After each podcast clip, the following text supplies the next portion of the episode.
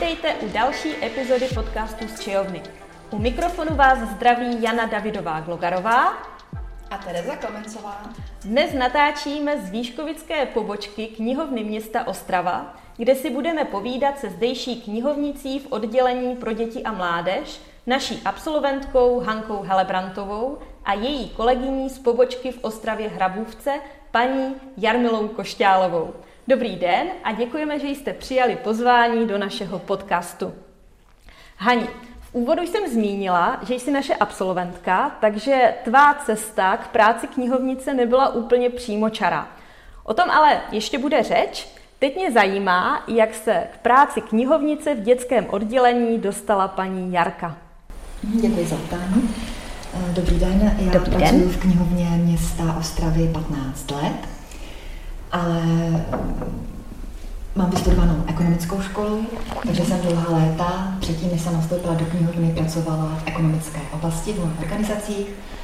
A v roce 2004, když docházelo k hromadnému propouštění po stovkách, ne po tisících, tak i já byla tou jednou, která tam musela odejít.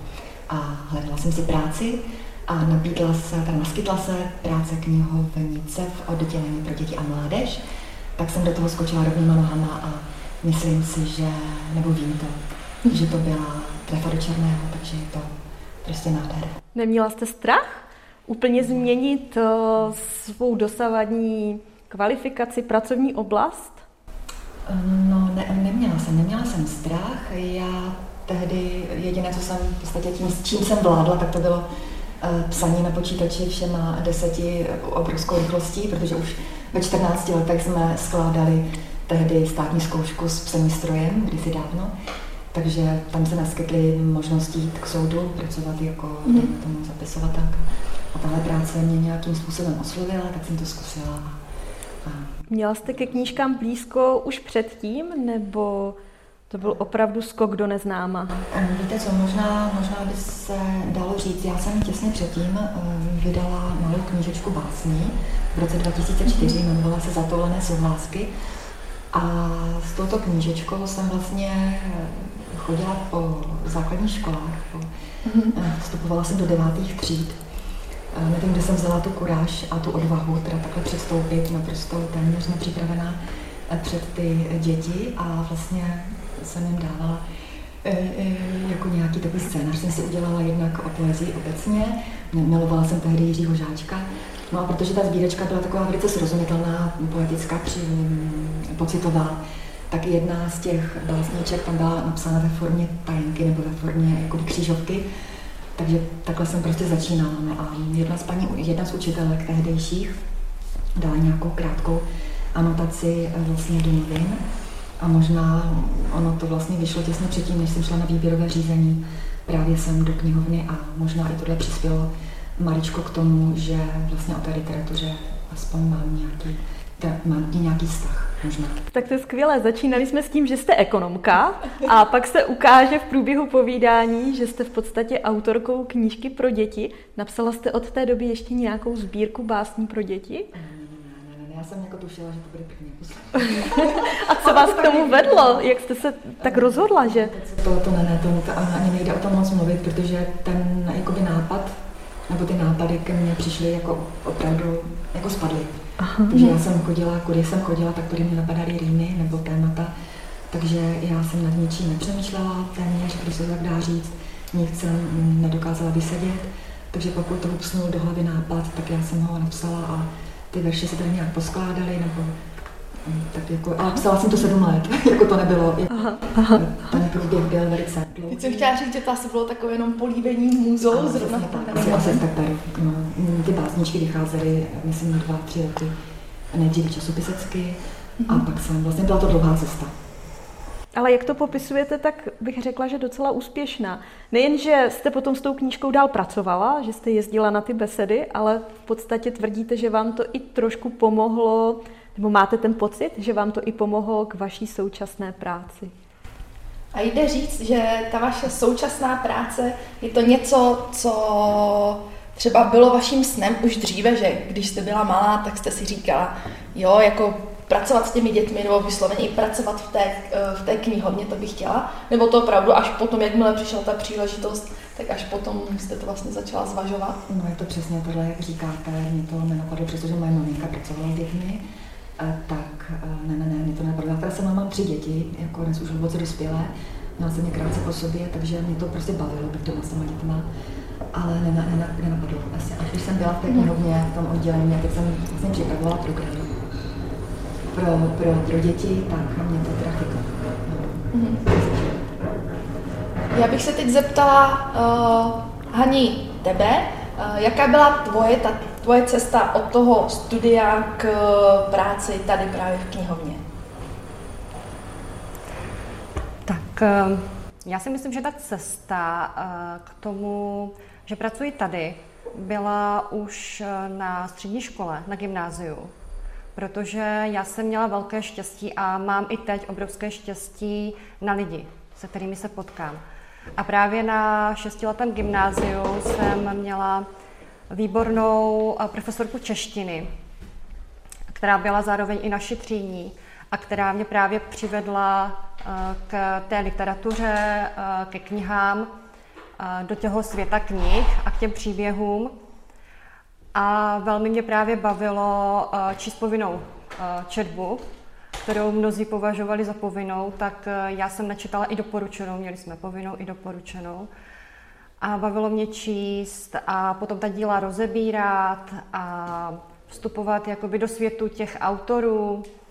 Takže to moje zaměření potom vedlo i další, dalšímu mému studiu, tedy ke studiu eh, českého jazyka a literatury, bohemistiky na Ostravské univerzitě. A tam pořád, eh, když jsem začala eh, studovat, tak pořád jsem byla spíše tak jako zaměřená na literaturu jakoby pro dospělé. A protože jsem měla zase štěstí na lidi a potkala jsem úžasnou profesorku Svatavu Urbanovou, tak ta mi zase ukázala Další možnost uh, té literatury, a to je ta literatura pro děti a mládež, která je uh, nesmírně pestrá, nesmírně kvalitní a krásná. A krásná už uh, na pohled, když se na tu knižku podíváte. Že ty knihy jsou krásné sami o sobě, že to jsou artefakty. Já si pamatuju, že jsme tam vždycky probírali i ilustrace, že to nebylo opravdu jen na těch právě. ale ty Přesně ilustrace, to. nebo ilustrátory jsme museli ano. poznávat. Mhm. Přesně to a to se mi líbí, taková ta ta spojitost eh, té výtvarné stránky a té textové stránky. A než jsem vůbec začala tou literaturou pro děti a mládež zabývat, tak jsem eh, o tom věděla opravdu jenom takové ty povrchní věci a to, co jsem já zvala ze svého dětství. A nedokázala jsem vůbec eh, nějak říct třeba, co teď jako vychází, co je kvalitní a byla jsem opravdu překvapena, jak ty knížky jsou krásné, jak jsou kvalitní, které vycházejí a že opravdu máme být na co jakoby pišní, na ty naše české autory. A my, že je z čeho vybírat hlavně, z těch současných mladých autorů. Pro tebe určitě ta specializace na dětskou literaturu byla zcela zásadní a stěžejní. I spolupráce s profesorkou Urbanovou. Pomohlo ti to nějak přijímacím procesu do knihovny, nebo i ve chvíli, kdy se rozhodovala, eh, jak bude tvá profesní dráha dále pokračovat, jestli jsi řekla, bude to něco s dětskou literaturou a pak už se v podstatě té knihovně třeba sama nabídla, jako specialista a odbornice na dětskou literaturu. Bylo to tak, anebo to byla vlastně náhoda? Tak eh, to, že jsem eh, studovala eh, intenzivně v rámci toho svého studia dětskou literaturu, tak mi to velmi pomohlo, protože já jsem se v diplomové práci zaměřila na nakladatelství Meandr a jeho produkci. A tím jsem získala velký přehled o tom, co vychází, o tom, co vycházelo a zajímala jsem se i o další nakladatelství a o další knihy. K tomu se samozřejmě nabalují ty výtvarné stránky, ocenění, takže jsem měla opravdu asi dobrý přehled eh, o té literatuře, která vychází a o tom, co třeba doporučit ke čtení, co třeba i doporučit eh, ke koupi. A ještě právě díky tomu, že jsem eh, na rodičovské dovolené, kdy jsem si myslela, že budu mít spoustu času a že tady co budu dělat, jsem ještě šla studovat pedagogické minimum. A právě propojení té dětské literatury s tím pedagogickým studiem mi to ještě více jako pomohlo proniknout k tomu dětskému čtenáři. A zkusila jsem právě poslat životopis po rodičovské dovolené do knihovny. do okolností bylo výběrové řízení, bylo volné místo a já jsem to místo hmm. To si myslím, že je i dobrá inspirace pro studenty, že opravdu ta závěrečná, ať už diplomová nebo bakalářská práce nemusí být jenom nějaké nutné zlo, ano. aby člověk získal ten titul, ale opravdu Jo, tady u tebe teda začala potom i nějaká kariérní dráha, nebo mohla se od toho odrazit, bylo ti to potom uh, co k čemu. A lákala tě někdy i čistě učitelská profese? Zvažovala jsi já jsem ani asi neměla možnost to zvážit, protože já jsem ukončila to pedagogické studium, to pedagogické minimum a končila mi rodičovská dovolená a věděla jsem, že asi je na čase jakoby něco změnit, poohlednout se po, po tom, jaké mám možnosti. A poslala jsem životopis právě do knihovny, protože to spojení té pedagogiky a té lásky ke knihám je v dětském oddělení, myslím si pro mě, to pravé. Protože já si s těmi dětmi můžu hrát, což eh, na těch lekcích a besedách se snažím eh, s dětmi dělat a přidat jim to nadšení z těch knih. Stejně jako to právě předala profesorka češtiny na gymnáziu a profesorka mm. na vysoké škole. A, um, my, teď, my teď sedíme přímo teda v, v budově té knihovny. Mohli byste nám trochu přiblížit, co všechno ta vaše práce obnáší? Ta práce naše je nesmírně pestrá a v tom je její krása. Eh, takže někteří lidi se třeba ptají, co děláte v knihovně, když máte zavřeno. že, tak to mě i v našem případě otvíráme eh, od 12 hodin pro veřejnost. No a v těch dopoledních hodinách, tak, eh, protože naše pobočka, v které pracuju, v Ostravě se patří mezi ty největší, a takže kolem máme tu sídlišní pobočka, takže kolem máme spoustu škol. Takže v těch dopoledních hodinách zveme základní školy, školy střední, školy mateřské na tzv. knihovnické lekce a besedy. A těch máme opravdu velice hodně. Takže učitelé mají možnost si vlastně vybrat z nabídky, kterou každoročně zasíláme na začátku září do škol a učitelé si vybírají z našich webových stránek a mají možnost se i vlastně objednat do předem vytvořeného elektronického kalendáře. A je zájem ze strany je, učitelů? Je veliký zájem, mm-hmm. takže my v září, myslím, v září tak dostáváme od října až do května mm-hmm. dalšího roku máme opravdu jakoby účast velikou. Nabitý program. Nabitý program, ano. A je to teda, rozumím tomu, že je to opravdu pestré. Uh, pracovali jste třeba někdy i tak klasicky u té přepážky, kam chodí čtenáři a předávali jim ty knížky? A není to trošku to, nuda? No. Potom všem, co tady vyprávíte, tak ta klasická práce na přepážce je asi úplně o něčem jiném. Dá se to zvládnout? Je to samozřejmě součást eh, naší práce, každodenní práce, že jsme eh, za tím počítačem, za tím naším systémem a nabízíme, doporučujeme, komunikujeme, hlavně komunikujeme se čtenáři a s těmi dětmi a také s rodiči. A není to nudná práce, protože je to práce hlavně o té komunikaci a doporučení a je velmi pěkné, když třeba po několika minutách nebo někdy i hodinách přijdeme na to, co by se mohlo tomu čtenáři, tomu dítěti líbit a když Odo potom tu knížku přijde vrátit a řekne jako tu zpětnou vazbu, že opravdu, že to bylo nad, že je z toho nadšený a jestli máme třeba ještě podobnou knížku. Že to, co my doporučíme, že se líbí, to je taková ta největší odměna a že oni se vrátí a půjčí si další. Takže i ta běžná práce na přepážce určitě eh, vyžaduje orientaci v dětské literatuře a specializaci na ten obor. Není to jenom dám knížku, pípnu, vrátím knížku, ale s těmi dětskými čtenáři je to skutečně o tom, že jim pomáháte s výběrem, diskutujete s nimi o knížkách. Určitě a je to tak i eh, v dospělém oddělení. vůbec jako práce v knihovně není. A jaksi... pracovali jste někdy v dospělém oddělení? Já jsem právě pracovala, protože pracuji teda knihovně 15 let, eh, v podstatě jsem knihovnice pro oddělení pro děti a mládež, ale 9 let jsem pracovala ve Vítkovicích a to je pobočka, kde je to oddělení pro eh, děti, ale i pro dospělé sloučené.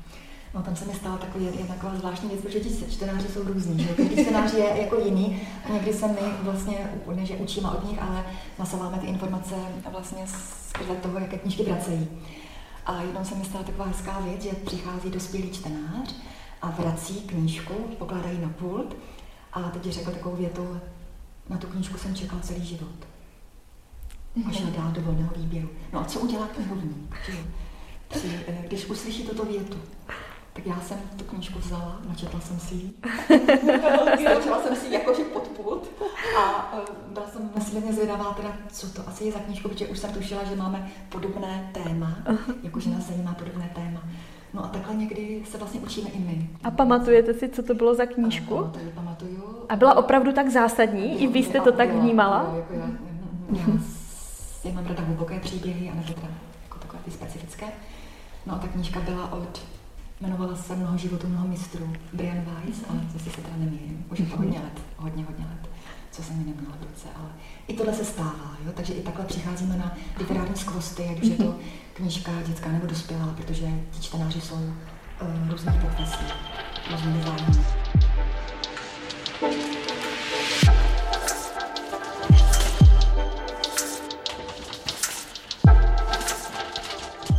Dokážete třeba už tak uh, ve dveřích odhadnout, ať už se to týká těch mladších čtenářů nebo těch starších dospělých, že třeba tento člověk bude vyžadovat takovýto typ literatury. A že už třeba víte, co mu poradit, protože já sama dělám v knihovně, jenom jako naší malé vesnické, a někdy taky už tak nějak sama tuším, co zhruba by ten člověk mohl chtít, ale potom zase někdy mě překvapí a někteří mají požadavky, například můj velice oblíbený je, že chtějí nějakou knihu ze života. A já potom musím už přemýšlet vlastně, co to je, protože je to tak široké, že to může být historická literatura až po nějakou červenou knihovnu. Tak uh, jestli to taky máte tak nějak, že odhadujete ty typy, že už to máte takto naučené, a nebo třeba potom, jestli máte nějaké dotazy o těch čtenářů, o těch příchozích, které uh, ať už máte rády nebo nemáte rády.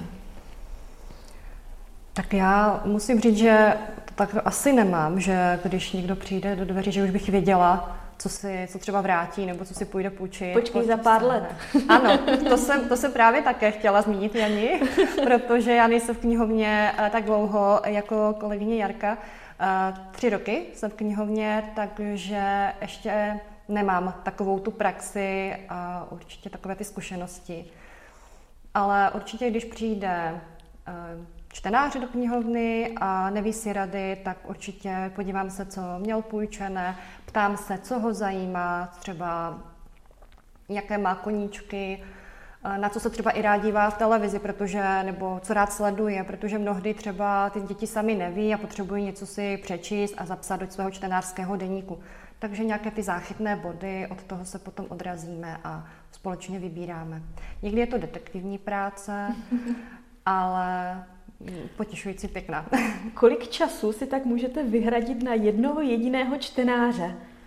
Máte čas si s někým povídat třeba i hodinu? Protože když je to detektivní práce, tak to ten čas vyžaduje. Hlavně a... asi u těch mladších no, čtenářů. No, no, no.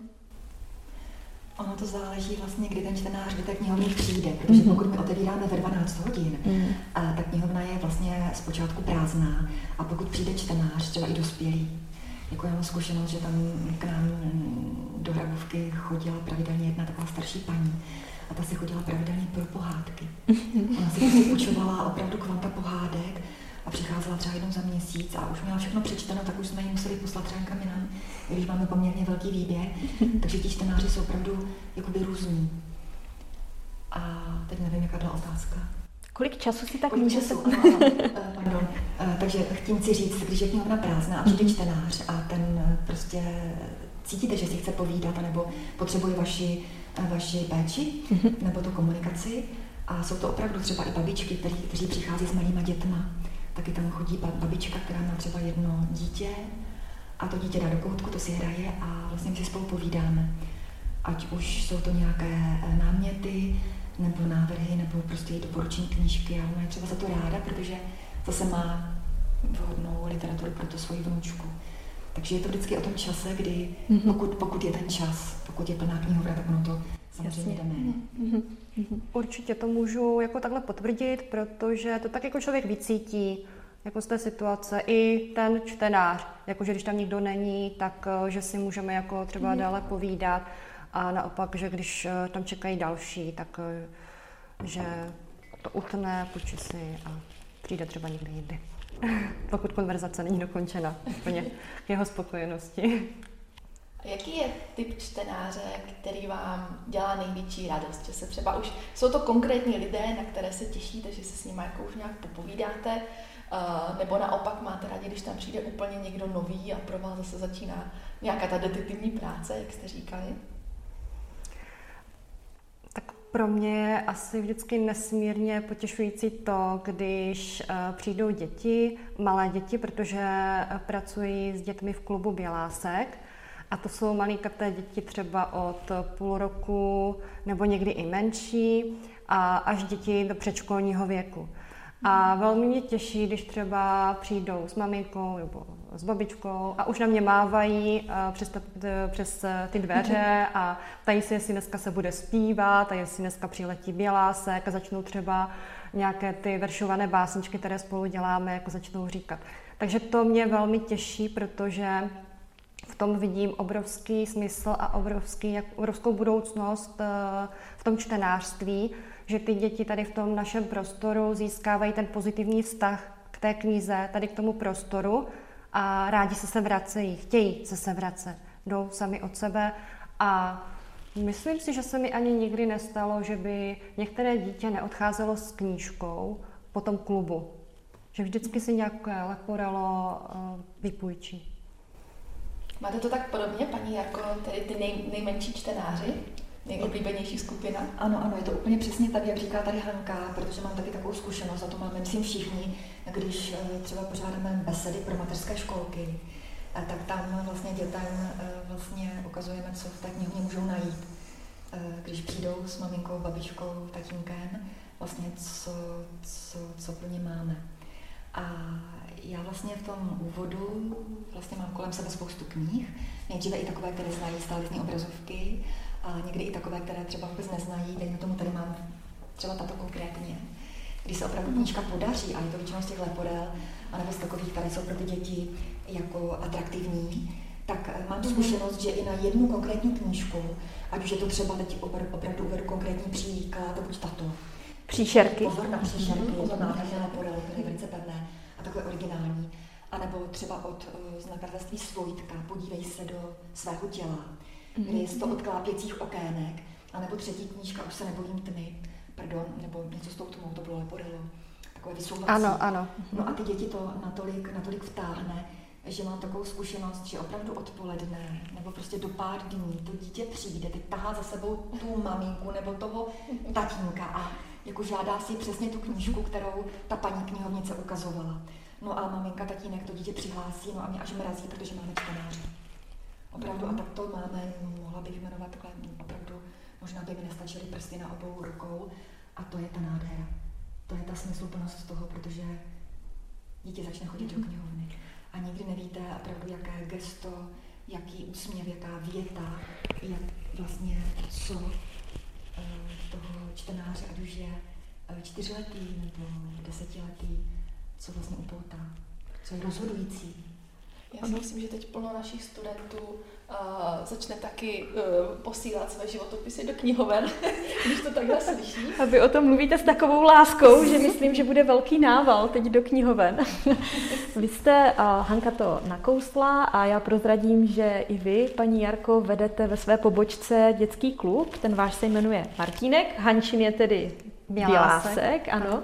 A já musím říct, že uh, moje dcera Františka s manželem naštěvovali právě klub Martínek a byl to také jejich tip, že určitě bychom měli udělat rozhovor právě s paní Jarkou, protože eh, to bylo naprosto úžasné. Stejně tak Hanku zná naše Františka jako tetu, která když k ním přijde na návštěvu, protože Hanka má uh, šestiletého syna Štěpánka, tak teta Hanka je schopná pro ně připravit den plný aktivit a pokusů a Františka se pak vrací plná dojmů. Chce to i po mně, což už není tak pozitivní, ale dovedu si představit, že u obou ty kluby budou naprosto neskutečně úžasné. Takže zkuste nám přiblížit, co je náplní takových klubů a kde třeba čerpáte inspiraci pro program. Hmm, tak já bych řekla, v rámci knihovny města Ostravy existuje těch klubů 15. Mm-hmm. Jsou to teda kluby pro děti, rodiče a prarodiče, jsou o vícegenerační spolupráci a dá se říci, že jsou především místem setkávání dětí, rodičů, prarodičů a mm, myslím si, že to je oboustranně prospěšné, jak pro ty děti, které se tam vlastně potkávají s jinými dětmi, navazují sociální vazby, ale i pro ty rodiče, kteří se potkávají, jsou na materské dovolené, většinou maminky a mají si tak jako co říct. No a e, ten program, který pro ně připravujeme, e, se snažíme, aby byl velice pestrý, aby byl hlavně komplexní, aby ty aktivity, které připravujeme na sebe, navazovaly, protože děti neudrží dlouho pozornost, tak těch aktivit by mělo být jako několik.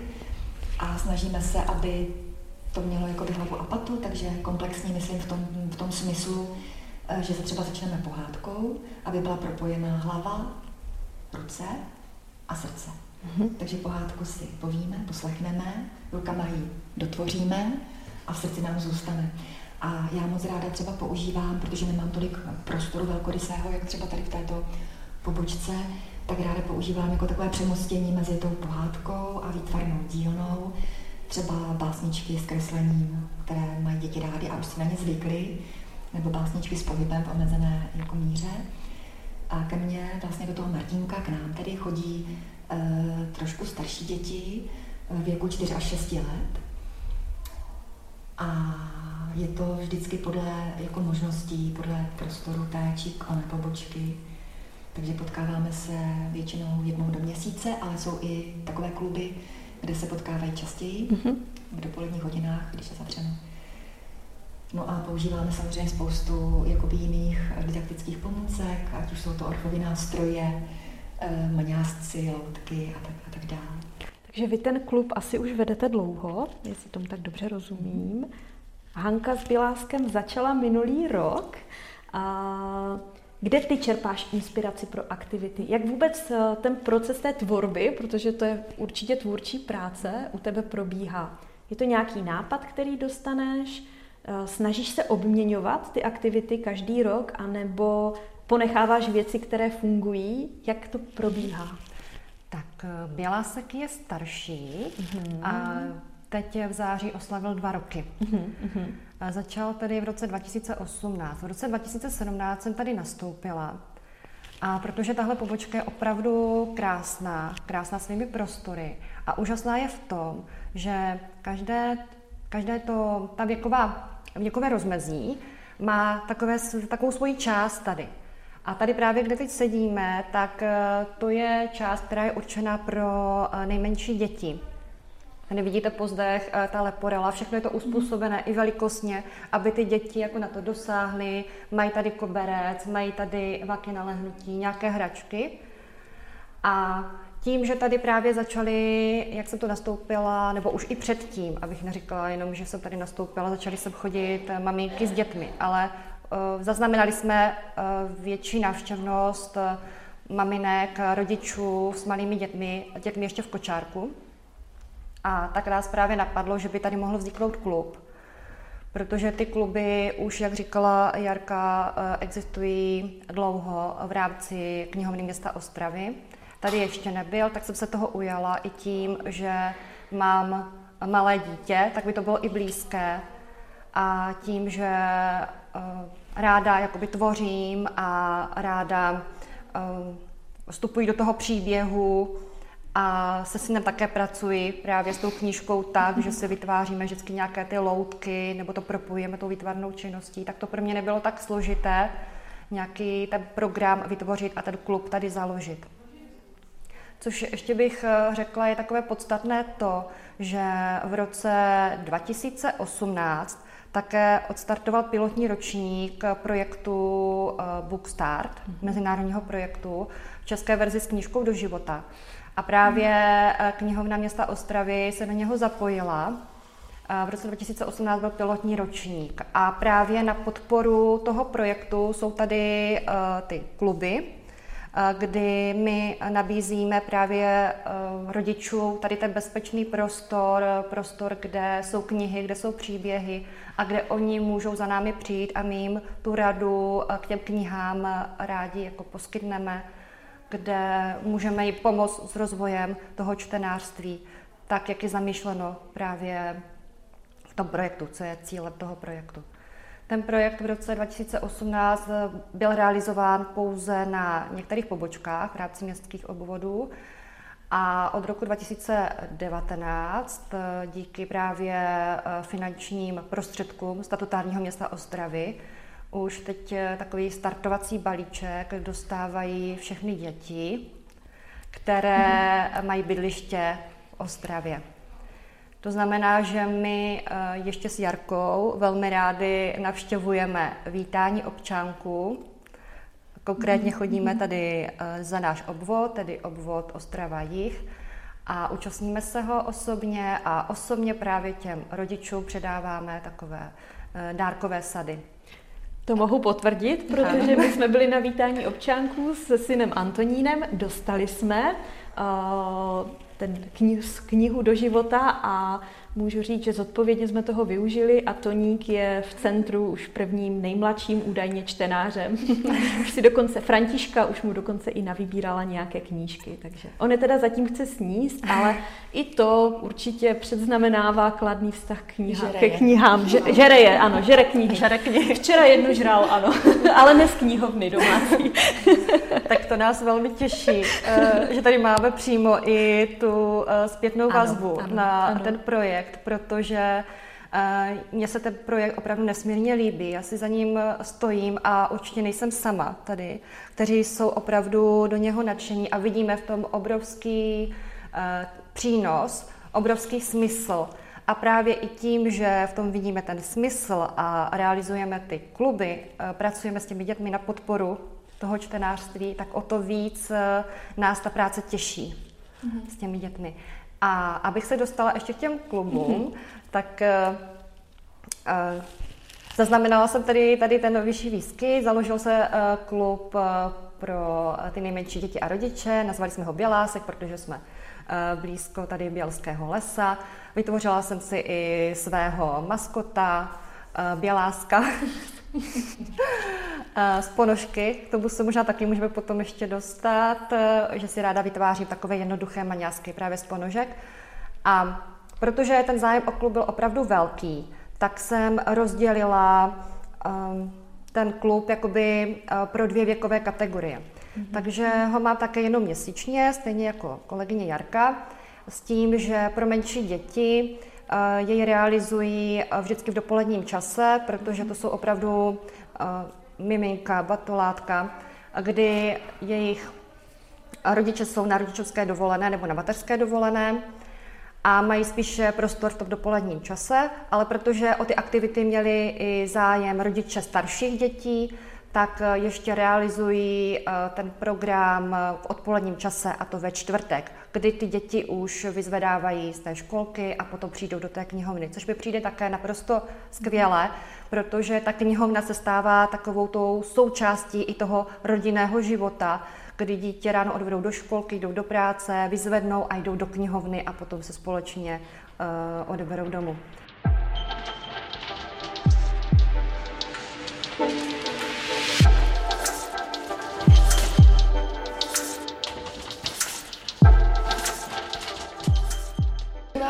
V podstatě to samé, že jestli já mám knihovnu někdy od tří hodin, to jako opravdu rodiče s těmi dětmi po té ano. školce rovnou, protože knihovna je i v budově školky, tak to mm-hmm. rovnou vezmou přes tu knihovnu a potom jdou domů. A e, když vy říkáte starší generace, nebo tak starší generace, starší děti, tak eh, to je v jakém věkovém mm-hmm. rozmezí se bavíme? Tak ta první kategorie je od nula, opravdu uh, jsme otevřeni, protože ten book start je opravdu pro miminka, takže je to stanoveno od nula do tří let, aby to bylo tak jako tak přibližně, i když tam jsou ty, ty skoky velké, že a ty děti tří leté jsou uh, samozřejmě rozdílné než ty roční, ale většinou se sejde skupinka těch ročních, případně o něco mladší.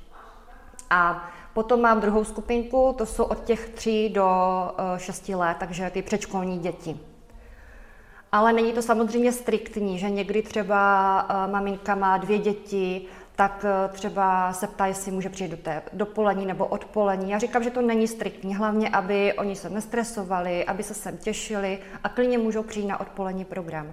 Já mám vždycky jedno téma, jednu knihu a uspůsobují eh, ty aktivity a to čtení eh, právě té věkové kategorii. Takže je mi jasné, že u těch eh, miminek, u těch menších dětí neudrží tak tu pozornost, tak třeba ten příběh zkrátím a vynechám třeba nějaké aktivity na rozvoj jemné motoriky, což zase je velmi důležité třeba u těch předškolních dětí.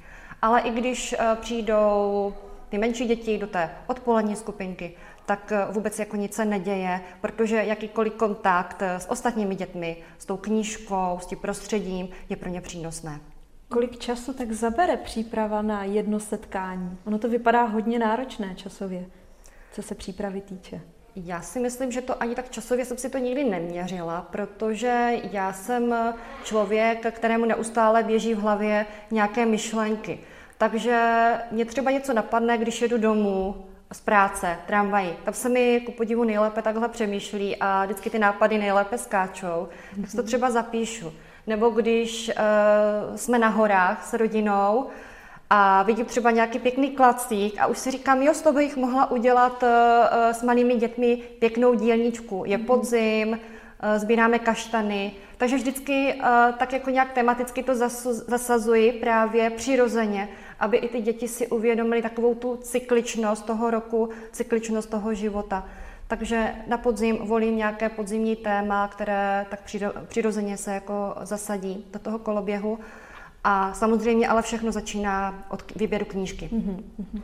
Tematicky vyberu knihu a na to potom hromadím další aktivity na rozvoj motoriky a dílničku samozřejmě, protože ten scénář mám stejný, jako má Jarka. Také, aby uh, jsme se nějak aklimatizovali, takže se známíme, hrajeme na hudební nástroje, rozpohybujeme se nějakými těmi říkankami, potom se trochu sklidníme, čteme si a aby si něco vytvořili, něco hmatatelného odnesli domů, na co se můžou dívat, k čemu se můžou vracet.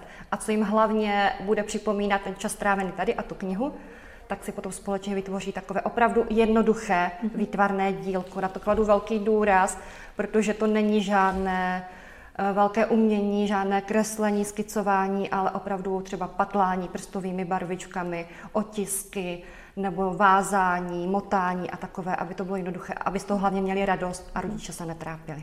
A vybíráte, to je otázka na obě, ty knihy do dětského klubu z nejnovější literatury, z těch nově vyšlých knih, anebo spíše z osvědčené klasiky? Já bych tomu řekla, že ten výběr té knihy je velice zásadní, mm-hmm. protože my tou knížkou bychom měli být zasaženy. Mm-hmm. Protože ty děti to poznají. Pokud té knížce věříme my, tak my to předáme a té knížce uvěří i ty děti. No a co se týče toho výběru, tak ono je to opravdu různé, protože často číháme, no, až vyjde nová knížka od osvědčeného autora, dejme tomu tady Petr Horáček, to je prostě... Eh, to, ono to je ikona dětské literatury asi. Ano, ono, ono se říká, že v jednoduchosti je krása. Mm-hmm. A toto platí, toto úsloví platí opravdu bez zbytku pro tohohle autora. To je Čech, Petr Horáček, ale dlouhá léta žije v Anglii, kde tedy tvoří a má na svém kontě přes 40 knih. A v posledních letech se začínají překládat do češtiny. Takže oni opravdu teď v poslední době vychází v tom velkém formátu. Zpočátku vycházeli takhle jako mnohem menší, ale teď vycházejí takové jako v té původní anglické verzi, mm-hmm. takže jsou často s těmi výseky a výřezy a pro děti mnohem atraktivnější. A je to, prostě ten příběh je velice, velice takový, jakoby, dá se říct krátký, jsou to malostránkové knížky, ale každá ta knížka má nějaké poselství, jako dá se na nich stavět a jsou prostě nádherné, takže to bych řekla, že jsou velice oblíbené, když my hledáme knížku.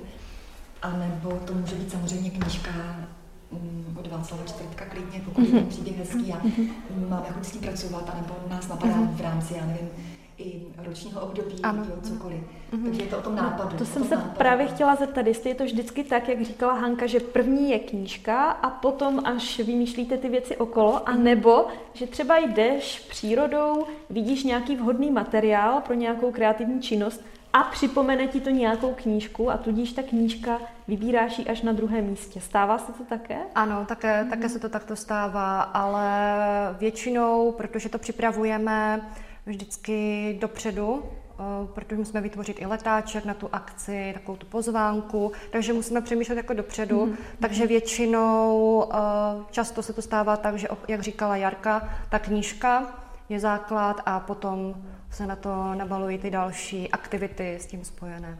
Mm-hmm. Vy uh, zvete i různé hosty.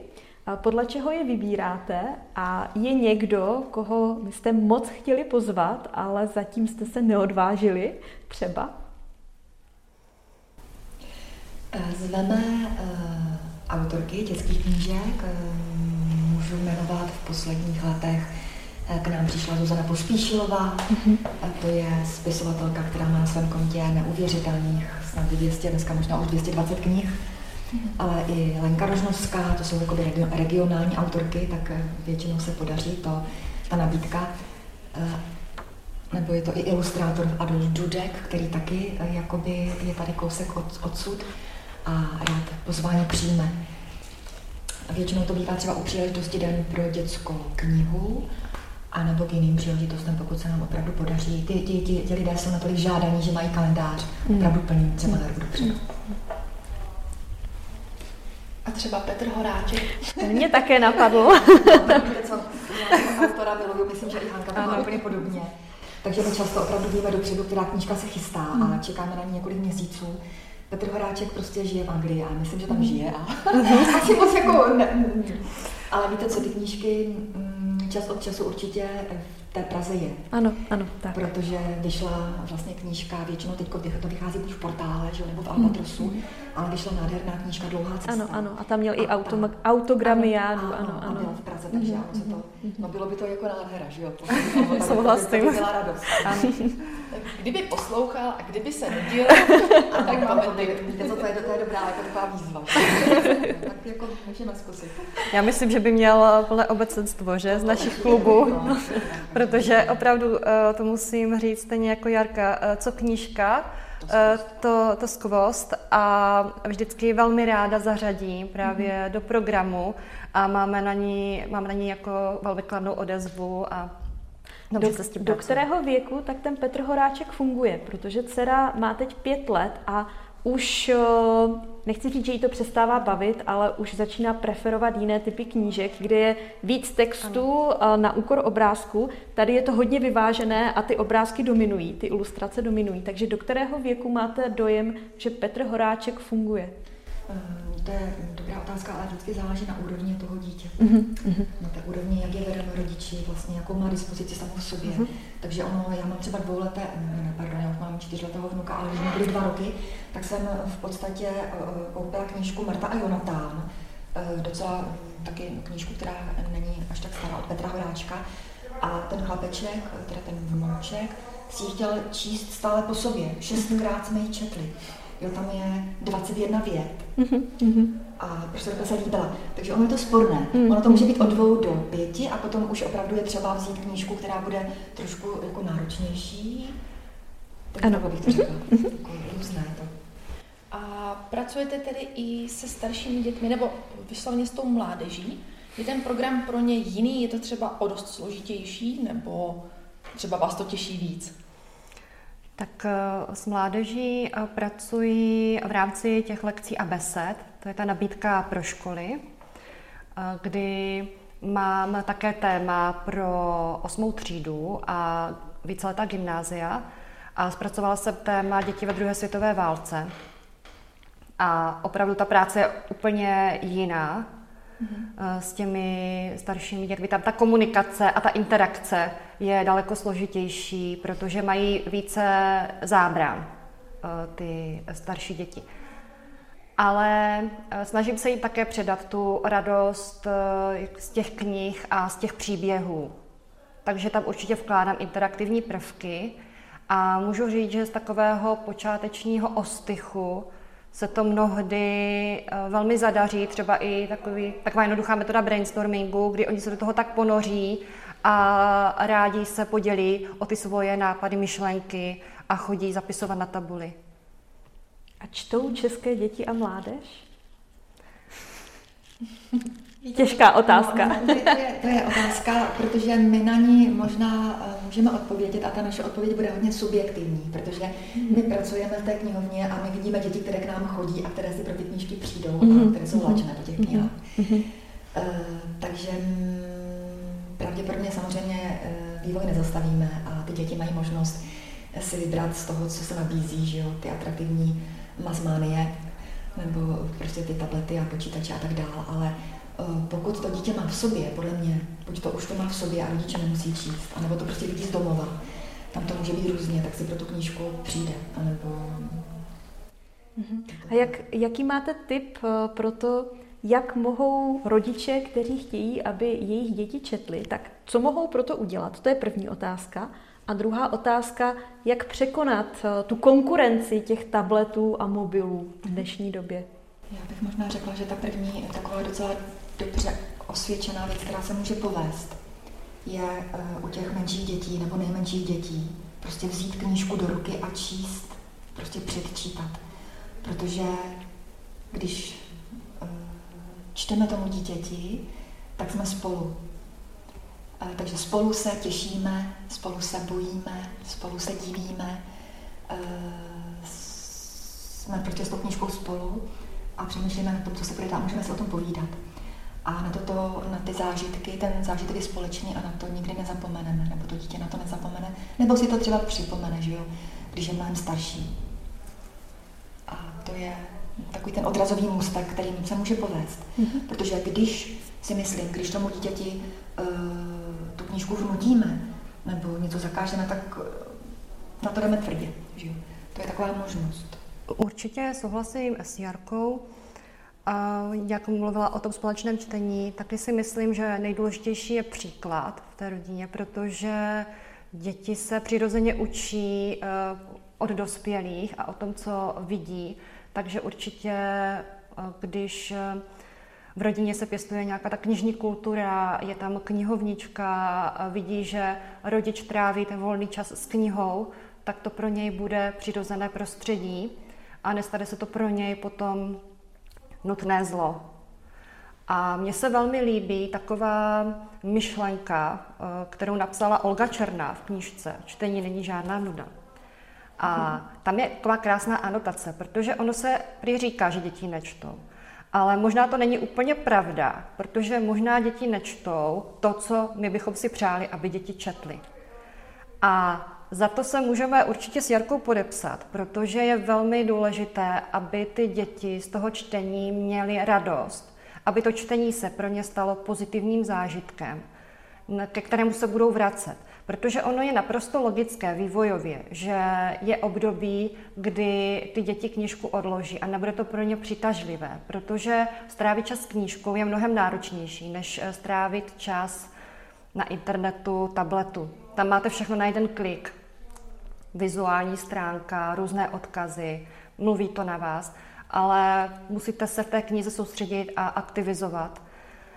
A tím, že potom dítě má ten návyk toho čtení, má to spojeno s pozitivním zážitkem, tak přijde určitě v tom období eh, ten čas, kdy se k tomu pozitivnímu zážitku, k té radosti z toho čtení rád vrátí. Protože na co my v dospělosti rádi vzpomínáme, k čemu se vracíme? Vracíme se k tomu, co nás těšilo, když jsme byli malí, čeho jsme měli radost, co nás naplňovalo. A jak hodnotíte eh, možnost využití v tom pozitivním slova smyslu moderní techniky k rozvoji čtenářství? Mám na mysli audioknihy pro děti, chytré knížky. Eh, souhlasíte? Ale dělají takové ty knížky ano, ano, ano. tuška, která mhm. Souhlasíte eh, s jejich používáním třeba v omezené míře nebo se vám to moc nepozdává? Tak jestli můžu začít, tak třeba albitušky, i elektronické knihy, i audioknihy, určitě nejsem jejich odpůrcem. Mm-hmm. Je to o vývoji, je to o dalším jako vývoji té společnosti, kam se ubírá. A určitě je skvělé, když dítěti pustíme při hře nějakou audioknihu, pohádku, když třeba zrovna není uh, tolik toho času, nebo když před spaním uh, mu raději pustíme uh, audioknihu než třeba televizi.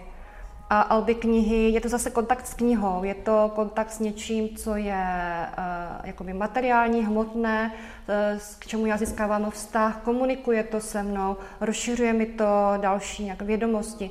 Určitě jsem jako toho zastáncem a líbí se mi to. Já ještě bych možná doplnila zvukové knížky. Teď ano. Prostě ty knížky jsou opravdu eh, stále atraktivnější eh, s různými, eh, s různými, já nevím, otáčivými, posuvnými prvky a pro ně si právě chodí nejčastěji ty maminky s těmi bookstartovými dě, dětmi, mm-hmm.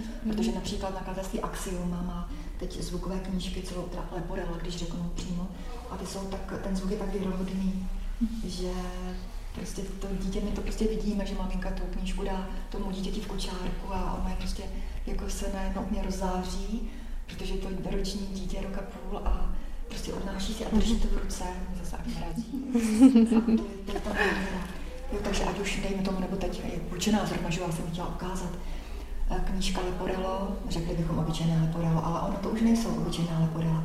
Eh, na procházce ve vlaku, to je Leporello, které imituje vlastně vlak, je to z koly, s různými výseky pro dveře a pro okna. No a text je Radka Malého, mm-hmm. což je v podstatě český geniální pásník. A vlastně vysvětluje dětem uh, uh, cestu vlakem. Děti jedou na návštěvu k, tetě, k pratetě a seznamují se vlastně od koupy jízdenky až po jídelní vůz, co, se, co vlastně v kterém vagóně můžou vlastně potkat a vidět takže to má i přesah daleko větší, než by se na první pohled zdálo. Je nejčastější ten model, že tedy ten dětský čtenář přijde s maminkou, tatínkem nebo s prarodiči, a nebo je to třeba zhruba vyrovnané tak, že se objevuje ten dětský čtenář až v momentě, kdy nastupuje uh, tu povinnou školní docházku, dostává nějakou povinnou četbu a už za váma přichází s uh, žádostí o konkrétní titul, protože to musím přečíst. Ano, to je jako takové různé, protože teď ta možnost, když budou moci chodit maminky s těmi dětmi, do 6 let mají eh, vlastně průkazku zdarma a na to navozuje eh, první třída a všechny děti, které chodí do první třídy po dobu celého kalendářního roku si mohou eh, mít registraci zdarma. Takže ty děti přirozeně navazují a mm-hmm. tam je ta možnost, myslím, velice příjemná a dobrá. Takže pokud už to dítě cítí, že ta knížka je pro něho důležitá, tak takhle pokračuje potom. Samozřejmě, že se stane období, já nevím, v pubertě, nebo kdy tam může být nějaký totální výpadek, bo to dítě buď navštěvuje nějaké volnočasové aktivity, kde ho to táhne, ale většinou se k těm knížkám potom vrací. Jak často tak chodí čtenáři, děč, uh, uh, myslím teď tedy uh, dětské čtenáře? Zase Mají tak knížku na týden, nebo? Víte co, většinou tak jednou za měsíc, ale mm-hmm. jsou maminky, které chodí jenom za 14 dní, nebo prostě opravdu častěji. Je to vždycky o tom, jaký, jako, jaký kdo je, že jo? Jako, jak, jak kdo má potřebu. A o jaký typ knih, pokud se to vůbec dá zobecnit, mají čtenáři největší zájem? Třeba v různých věkových kategoriích, jak se to liší podle věkových kategorií, a jestli to jsou spíš básničky, poezie nebo próza a zase, jestli se to liší podle věku. Co frčí, že jo? Co frčí, co ano, frčí, ano. co letí v našich dětí, no tak ono teď možná, že se zhodneme mm, pár let, je to den malého posroutky, pokud ano. bych mm-hmm. zmiňovala tu věkovou kategorii, já nevím, třetí, pátá, ano, šestá, tak nějak. Devíti, devíti, až dvanáct. Uh-huh. A vůbec ty deníkové, deníkově psané knihy? Mm-hmm. Oni jsou v podstatě takové rychlejší na čtení, že jo? Blíží se komiksovému zpracování. Ano. Uh, odstavce jsou jakoby, takové jako řádně velké písmo, tak se jim to dobře čte.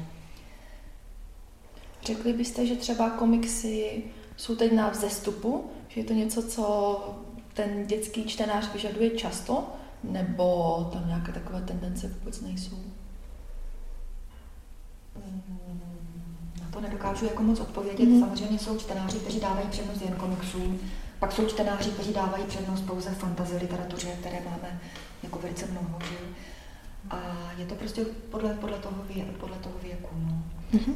Ale myslím si, že velký boom je teď, protože se zaměřujeme s Jarkou hlavně na ty uh, nejmladší čtenáře, na, tak na ty mm. obrazové knihy, spíš obrazové, ne obrazové, a obrazové, mm. kdy uh, jsou to klasické knihy, nejsou to leporela a v těch knihách jsou uh, velké obrázky, velké mm. ilustrace a vždycky pod tím je krátký text. A většinou právě autory takových knih jsou autoři, kteří jsou i zároveň eh, autoři výtvarné stránky, takže autoři toho mhm. textu i té výtvarné stránky, jako třeba už zmiňovaný Petr Horáček. A u těch uh, knížek pro mladší čtenáře, myslíte si, že je důležitější ta ilustrace nebo ten text, nebo třeba jestli je nějaký věk, kdy se to láme, že od tří let už spíše ten text a do té doby především ty ilustrace? Tady samozřejmě čtou rodiče, je to je jasné, asi do určitého věku. Mhm, já bych řekla, že ta ilustrace je stěžejní, že velikáte, že tohle dítě uvidí a upoutá ho to na první pohled, takže pokud tam je něco, ta knížka je barevná, tak eh, musí ladit i obrázky, že jo, musí se tomu dítěti líbit. Eh, třeba Oksana Bula je ukrajinská výtvarnice a vlastně autorka eh, v jednom.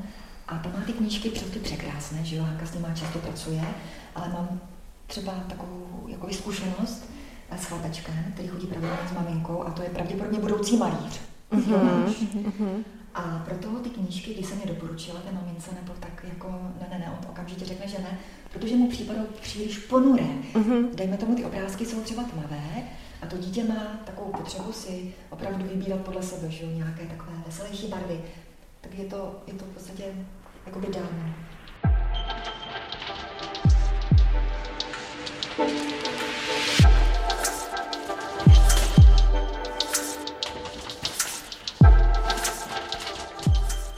My jsme s sebou, vy jste mluvili o těch evergreenech, o něčem, co táhne, tak já bych třeba čekala, že u těch starších čtenářů ze světové literatury to bude Harry Potter. Ale Pořád ano. Si úplně jistá. Pořád. Mhm. Je nějaká česká kniha, která, ke které se neúplně ti nejmenší, ale třeba mladí čtenáři rádi vrací? A co třeba, jak je to s klasikou? Co třeba Erbenova kytice? Tam je to asi tak, že ji má každý doma, takže si ji moc eh, nepůjčují, ale čtou to vůbec ještě české děti? Může to pro ně být blízké?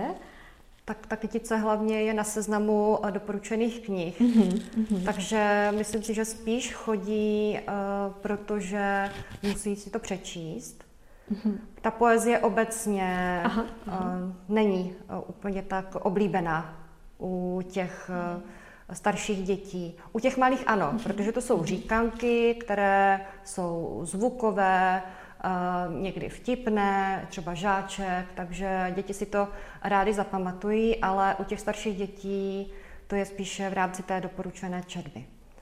Z těch českých autorů nějaké já bych možná, teď mě napadá uh, česká autorka Petra Braunová, ano. která mhm. opravdu jako vydává knížku za knížkou a ty knížky mm-hmm. jsou jako velice mm-hmm. hezké, současné, mají tam současná témata. Já jsem třeba dlouho pracovala, vlastně i pracuju pro děti třetích tříd s knížkou eh, Petry Braunové, má takový dlouhý název, jmenuje se Nejhorší den v životě třetíáka Filipa L. Mm-hmm. A vlastně s tou knížkou pracuju uh, s dětmi třetích tříd. A je to taková interaktivní beseda, se kterou mám jako takové zkušenosti, protože děti předvídají děj. Takže já vlastně seznámím, seznámím je s tou knížkou, že to je vlastně příběh o tom, co všechno se může stát, když se rozhodneme někomu ublížit. Mm-hmm. A krátce řeknu, o co se jedná. Ty děti rozdělíme do skupinek, vlastně u stolečku sedí čtyři děti, eh, dám jim tušku a papír, eh, vyzvu aby si zvolili jednoho zástupce, který bude čít, který bude psát vlastně odpověď, když se vzájemně jako tým dohodnou a vlastně pak, tu, pak ten příběh zastavím asi čtyřikrát a oni opravdu předvídají, co se stane. A já vždycky potom jakoby řeknu, jak to jde. A ta knížka je plná napětí, je opravdu geniálně napsaná. A je tam vážné téma, vlastně ten chlapec vlastně opravdu ublíží té své nevlastní sestře, takže tam jde o život. A Kolikrát se mi stává, že koukám, že paní učitelky přestávají psát. to tady pevně zaujme je. No, takže ta, ta beseda se jako možná fakt povedla a mhm. je, je dobrá. Takže ty děti si potom často po té besedě tu knížku jdou půjčit, protože já jim pak řeknu, to není daleka všechno, co v té knížce najdete. Mm-hmm. A protože skončí dobře, jako tak opravdu mě, se stalo jednou, že prostě děti tleskali, jako, ale řekli, pane bože, to, oni si potřebovali pomoct, jako, že to fakt dopadlo teda dobře, že ta Markéta nebo Monika přežila. Jo, to, to, to, to, jsou takové, takové radostní. Tady, tady se ukazuje asi, že vhodně zvolená ukázka je základ a může skutečně nalákat mhm. na celou knížku. Vůbec nevím, jak se orientujete třeba v čítankách na základní škole, protože v těch hodinách, tak si to představuju, alespoň za nás to tak bylo, se pracuje hlavně s čítankami. Nevím, jestli dnes už jsou učitelé víc tvůrčí a vybírají knížky a volí vhodně zvolené úryvky. Stalo se vám někdy, že třeba přišel nějaký školou povinný já nevím, třeťák, čtvrták a řekl, tohle je ukázka z čítanky a mně se to tak líbilo, že mě zajímá, jak to dopadlo a chci tu knížku. Mně se to stalo. Ku podivu mluvila jsem před chvíli, že děti, starší děti nečtou poezii. Mm-hmm. Přišel chlapec a půjčil si Máchu v máj. Mm-hmm. A já jsem jako říkal, doporučená četba, že do školy a on právě řekl, že ho zaujalo v čitance, že tam byl mm-hmm. úryvek, mm-hmm. takže si přišel tu knížku půjčit. Mm-hmm. Ale to byl asi takový úkaz ojedinělý a moje srdce zaplesalo. Ale díky protože... bohu za ně, za ty ano, ojedinělé určitě, úkazy. určitě a vzpomněla jsem si právě na svá středoškolská léta na gymnáziu, kdy jsem opravdu uh, Máchův maj měla také velmi ráda. A moc ráda jsem se ho učila i na maturitu. Já si pamatuju, že se mi jednou stalo, a to jsme ani nečetli ukázku, ale někdy v deváté třídě na základní škole nám naše češtinářka uh, převyprávěla příběh Katyně od Pavla Kohouta a mě to tak zaujalo, mm-hmm. že to byla první knížka na gymnáziu, kterou jsem si půjčila. Mm-hmm. jako, zrovna Katyně, dobře. Ale přišlo mi úplně neskutečné, že někdo mohl vůbec vymyslet mm-hmm. tak absurdní mm-hmm. příběh. Takže někdy to možná skutečně zafunguje. Ano. A tady už vícekrát padlo uh, tedy to, že existuje nějaká povinná četba. Chodí ti, uh, nebo chodí, chodí ty děti s papírkem a s tou povinnou četbou, předkládají vám to. A jaký je vůbec váš názor na tu povinnou četbu? Tedy o tom, že vůbec existuje a ten její stav když vidíte, co tam je? No s papírkama chodí, za, zvláště teď jako na začátku školního roku, takže mají ten seznam nebo mají v mobilu, a takže mm, evidentně potřebují uh, něco, něco přečíst. A, co se týče té povinné čerpy, když se tomu říkala povinná, ono to není, dobrý, eh, ne, není dobrá terminologie, že? Mm-hmm. Povinná už jako odrazuje od toho, kdy vyslovíte. Uh, nelíbí se mi ani doporučená, možná by se to mohlo přejmenovat na dobrá čerpa. A nebo, nebo, a nebo víte co, stává se taky, že ti učitelé jsou často, uh, nedrží se už těch opravdu těch starých uh, témat nebo jako knih, ale už jdou sou, sou, s tou současností, takže se tam objevují opravdu názvy knih, které ty děti mohou daleko více bavit. Jo. Jestli někdo přijde pro staré pověsti české od Jiráska, tak všichni víme, že to je hmm. jako čtení přece jenom náročné, ale převyprávěla to Alena Ježková a ono to je úplně o něčem jiném anebo Roald Dahl, že jo, taky ano. jako klasik, ale mm. vyrovnává se tomu tak trošku eh, David, David, David Williams. David Williams. Mm-hmm. A to jsou knížky, ve které je zábava, mm-hmm. humor, přestože to jsou bykla, tak se to rychle, rychle čte, mm-hmm. ale je tam opravdu příběh, je to velmi podobné. Takže vždycky záleží od toho učitele, jak je nastavený, jak je eh, jako progresivní, jak je tvůrčí a jak s tou třídou pracuje. Mm-hmm. A využívají vás třeba, teď mám na mysli spíš už středoškolské studenty, mladší středoškoláky, využívají vás i jako pomocníky při výběru vhodné knihy z toho seznamu, protože si to představím, dostanou seznam 20 knih, vyberte si pět, tak chodí k vám a ptají se vás, co byste mi z toho doporučili? No, to je taková docela vtipná odpověď na to, protože ti, kteří takhle chodí a ptají se na to doporučení. Co nejkratší. Přesně, Jani, si trefila úplně hřiček na hlavičku. Prosím, která ta knížka z toho seznamu je nejtenčí?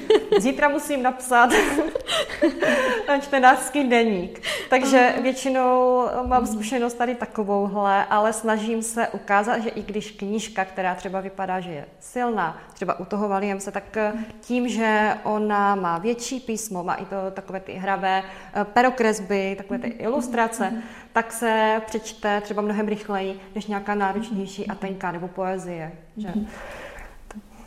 Co vůbec vy sami čtete? No, předpokládám, že čtete rádi, ale čtete hlavně tu dětskou literaturu, tedy to, co musíte pro práci, anebo i když odběhneme třeba do normální literatury pro dospělé, tak jestli máte nějaké své favority? Já, víte, to u mě je běžné docela, že si opravdu koupím dětskou knížku, pokud je v mých očích literárním skvostem. Eh, stává se to docela často, protože neodolám, ale je pravda, že mám taky dvě vnoučátka, takže tam je potom dilema. Jako si tu knížku nechat pro sebe, Ale já bych jako ráda zmínila jednu autorku, o které, která je tak trošku jakoby možná na okraji. Je to Martina Špinková. Mm-hmm. Je to akademická malířka, který kreslí maluje, ale i píše. A píše vlastně knížky pro děti s tabuizovanými tématy. Mm-hmm. A mezi ta tabuizovaná témata patří strach, stáří, smrt, mm-hmm. nebo tajemství. A právě tahle, kterou teda držím v ruce, eh, ta vyšla před dvěma lety a získala cenu Svazu učitelů. A vlastně já s tou knížkou teď pracuju. Začala jsem, vytvořila jsem besedu pro třetí třídy. A ta knížka, když se podíváte, je opravdu nesmírně krásná. Mm-hmm. Jednak je plná pastelových barev, je nečíslovaná a hlavně je plná otázek. Takže v ní je 50 otázek. A ty otázky vůbec nejsou jednoduché. E, mezi ty otázky patří Odkud přichází radost? Jaký je smysl našeho života? A nebo jak je možné, že se na celém světě potkali zrovna máma s tátou? A teď opět, jako mě přechází mráz po těle. No a já jsem měla možnost s Martinou Špinkovou vlastně v letošním roce uh, uh, mluvit dvakrát. Jednak u příležitosti workshopu, kdy přijala pozvání na pobočku větnamská, taky na jednom z přednášek v centru PANT, bylo to v Ostravě v květnu, kde se přednášelo, jak s dětmi mluvit o smrti. Ale chtěla jsem vlastně uh, říct, uh, že ta autorka se prostě nebojí uh, do těchto témat jít. A když někdo oslovil a ptal se, proč si vybíráte do knih zrovna tato náročná témata. A ona krásně odpověděla, mně se to hodně líbilo, takže teď si zkusím citovat. Ona pověděla, já si vybírám tato témata proto, protože vím, že děti v určitém věku se na tyto otázky ptají. A rodiče jsou často v rozpacích, jak jim odpovědět. Takže ode mě je to na ně taková past, do které je chci dostat, aby se těch otázek nebáli. A vlastně ve svých knihách mám nápovědu. Jo, takže ty knížky jsou opravdu nádherné. A... Co vy odpovídala jste si sama pro sebe na ty otázky? Když jste z toho vytvořila besedu a chtěla jste to po třetících, tak... Já jsem musela. A právě ona byla plánována, ta beseda, na, na tušní březen, mm-hmm. ale to, protože i březen vysypal z rukávu svá tajemství. Mm-hmm. Takže stihli přijít, stihli přijít dvě třídy.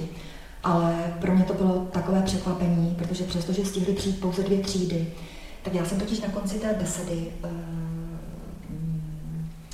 vytvořila pro děti takovou obálku a oslovila jsem je s tím, že pokud mají otázku, na kterou by rádi znali odpověď, eh, tak ji můžou napsat bez toho, že by se podepsali a můžou ji vložit do té obálky a my se na ní teda takhle všichni pokusíme odpovědět. A já jsem vůbec nevěděla, co to udělá. Jestli tam někdo něco napíše, nebo bude ticho, rybové. Jo, protože byla taková zkouška, a pilotní to bylo. No a mě velice překvapily některé děti, dokonce jeden kluk, on se prostě podepsal a v té obálce jsme si teda otevřeli asi tři a společně s paní učitelkou jsme teda opravdu jako všichni se snažili odpovědět. Tak tam byly takové otázky jako například, co je to láska? Kluk. Ještě se přihlásil, že to je on, co se ptá. A nebo opravdu něco o tom smyslu, proč tady jsme, co tady máme dělat. No takže ta knížka, hm, víte co, ono to bylo takové, takové zajímavé, protože když jsem se s tou paní Špinkovou potkala, tak já jsem jí jako jednak děkovala za tu knížku, A ptala jsem se, jestli na ně existuje nějaká jako nějaké povídání, protože mě natolik oslovila, že jsem si to Pracovní sešit. Ano. ano, ano, a teď mě velice překvapilo, prostě já jsem zůstala tam téměř paralizovaná, protože ona říká, ne, ne, ne, zatím na to jako nic nemám, ale pokud by se vám podařilo něco vytvořit, tak tady je můj mail. Mm-hmm. Jako, tak, tak mi dejte vědět. Mm-hmm. No a pro mě to, jak jsem to vyhodnotila jako úkol, že jo, tak jako, říkám, tak teď asi spát moc klidně nebudu, tak co tak s tím, že jo, jako jak se dá něco vytvořit na tajemství, jako takové, takovou abstrakci. No a, ale trochu podivu opravdu ještě ten, tu, tu, tu noc mě teda jako napadl, jakoby, jak by se dalo začít. Jak by se dalo začít, jako hodně od lesa. Jako, šla se na to hodně od lesa. Ale vlastně potom už to je, eh, jako, jako byste stavili eh, komín z kostek. Takže mm-hmm. ono to bylo v cukletu hotové. Já jsem do tří dnů poslala paní Špinkové vlastně tuto možnost. Ona mi do 15 minut odpověděla a vlastně bylo to jakoby na světě. Ono samozřejmě, že se to potom učesává a že to v podstatě nějak trošku proměňujete. Ale jako, že mám z toho takovou, jako, takovou radost, že i toto těžké, mm-hmm. nebo těžké, mm-hmm. trošku náročné téma, že se dá s těmi dětmi jako o tom hovořit, že není třeba se toho bát. Jo, a když tak řekneme nevím, mm-hmm. já se omlouvám, já nevím, já sama nevím, tak hm, zkusím nad tím přemýšlet. Jo, že ne, nebát se. A ty děti totiž na ten dialog čekají. Oni opravdu, oni si fakt chtějí povídat. Oni nechtějí, abyste tam něco od, odrekala někde na prezentaci. Mm-hmm. Oni prostě chtějí. Mm-hmm. A já třeba jim taky někdy říkám, děcka, těch knih se nebojte, protože v těch knihách není nikdo jiný než vy sami. Jo. Někdy se to třeba podaří. Když jde dobrá třída, taková vnímavá třída, tak už jako víte, co můžete a co třeba ne. Jo, když jde taková zlobivá, i zlobivá třída. Jo. Že, ano, ano. Děti, jakože pak ano. třeba usadit, jo. Ale někdy přijde třída, že se to prostě hodí. Mm-hmm. Na něco upozornit. Takže máte také tu zkušenost, že někdy to prostě nefunguje. Ať už děláte, co děláte, ano. máte to připravené, uh, víte, že minule to zafungovalo mm-hmm. a mhm. najednou to prostě nejde. Čím si myslíte, že to je? Jaký vchází učitel do knihovnických dveří, tak takové jdou děti. Aspoň mám takovou hmm. zkušenost. Co ty, Hani? Mm-hmm. Také určitě, určitě také takovou zkušenost a právě ta práce s těmi dětmi je také fascinující v tom, že děti to dávají hnedka jako najevo, mm-hmm. když se jim jako něco jako nelíbí nebo je něco nudí. My jako dospělí právě třeba koukáme a pak si to třeba řekneme mezi sebou, ale ty malé děti, eh, zejména ty malé a ty starší taky dají najevo, že prostě se jim to nelíbí a dávají to nějakou mimikou nebo nějakým posluchem.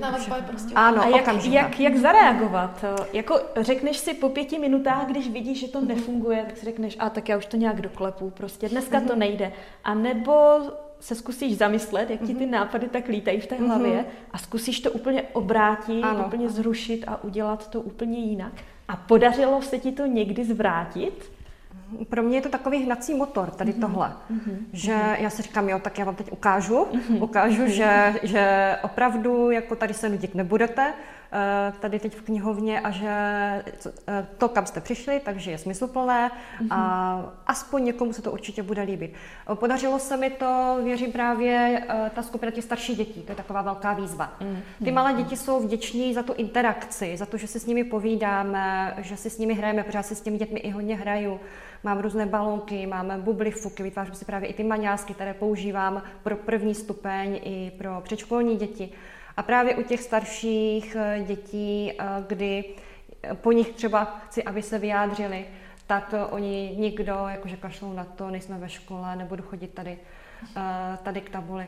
Tak většinou se do toho i zapojím já. Mám takový kontaktní míček, takový, kterým jako když tady nechcete chodit, tak ho někam hodím a pak třeba se smějeme tomu, že se toho dělá šikmo, někoho jsem trefila, tref, něco tady spadlo.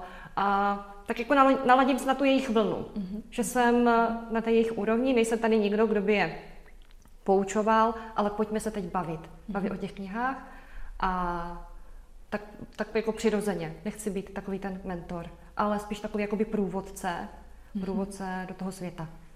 My jsme měli připravenou takovou otázku, která po té hodině, co si tady povídáme, eh, vypadá až nepatřičně, ale já ji řeknu, protože ta odpověď je zřejmá a bude zřejmá úplně v tom nejpozitivnějším myslím, slova smyslu. Myslíš úplně na to samé, co já? Projevuje se u vás profesionální deformace A já odpovím za vás, ano, a je to ta nejkrásnější profesionální deformace, kterou jsem za poslední dobu viděla. Takže to zkusím uh, obrátit. Dá se říci, že žijete svou prací? Tak uh, já určitě ano. A věřím, že Jarka také žije svou prací. Já, já určitě ano. Uh, tohle je práce, která mě opravdu nesmírně naplňuje. Naplňuje mě ta práce s dětmi, ta zpětná vazba, to, že jsme obklopeni tolika knihami, že můžeme vstupovat do těch knih, do těch příběhů. Já velmi ráda mám také takové knihy, o jakých mluvila Jarka, ty, které ještě mají takovou tu přidanou hodnotu. To o tom hovoříš, o té přidané hodnotě, já si to teď tady půjčuji. Tu přidanou hodnotu, že když tu knižku zavřu, tak ona mě nenechá na pokoji a ještě o ní přemýšlím. A právě je krásné, že v těch dětských knihách, i když se řekne dětská kniha, tak v těch dětských knihách to je. Takže já ve volném čase taky ráda čtu ty dětské knihy a abych se vrátila teda k té práci, tak eh, nesmírně mě těší a každý den eh, se těším, že jdu do práce, protože nabíjí mě toto energii tou zpětnou vazbou a od těch dětí. A vždycky, eh, když přijde škola, přijdou rodiče, tak zase je to takový nový příběh pro mě, a nové, nová inspirace jako vzájemná. Takže já jsem eh, v tomhle nesmírně jako spokojená a šťastná v práci. No, to řeknu velice stručně a každý den děkuji za spolupráci. Hmm. My také děkujeme. Moc děkujeme, děkujeme za pozvání k vám do knihovny a za více než příjemný a velmi inspirativní rozhovor. A doufáme hlavně kvůli našim dětem, že na, ve své práci zůstanete ještě hodně dlouho. Naschledanou. Děkujeme. Naschledanou.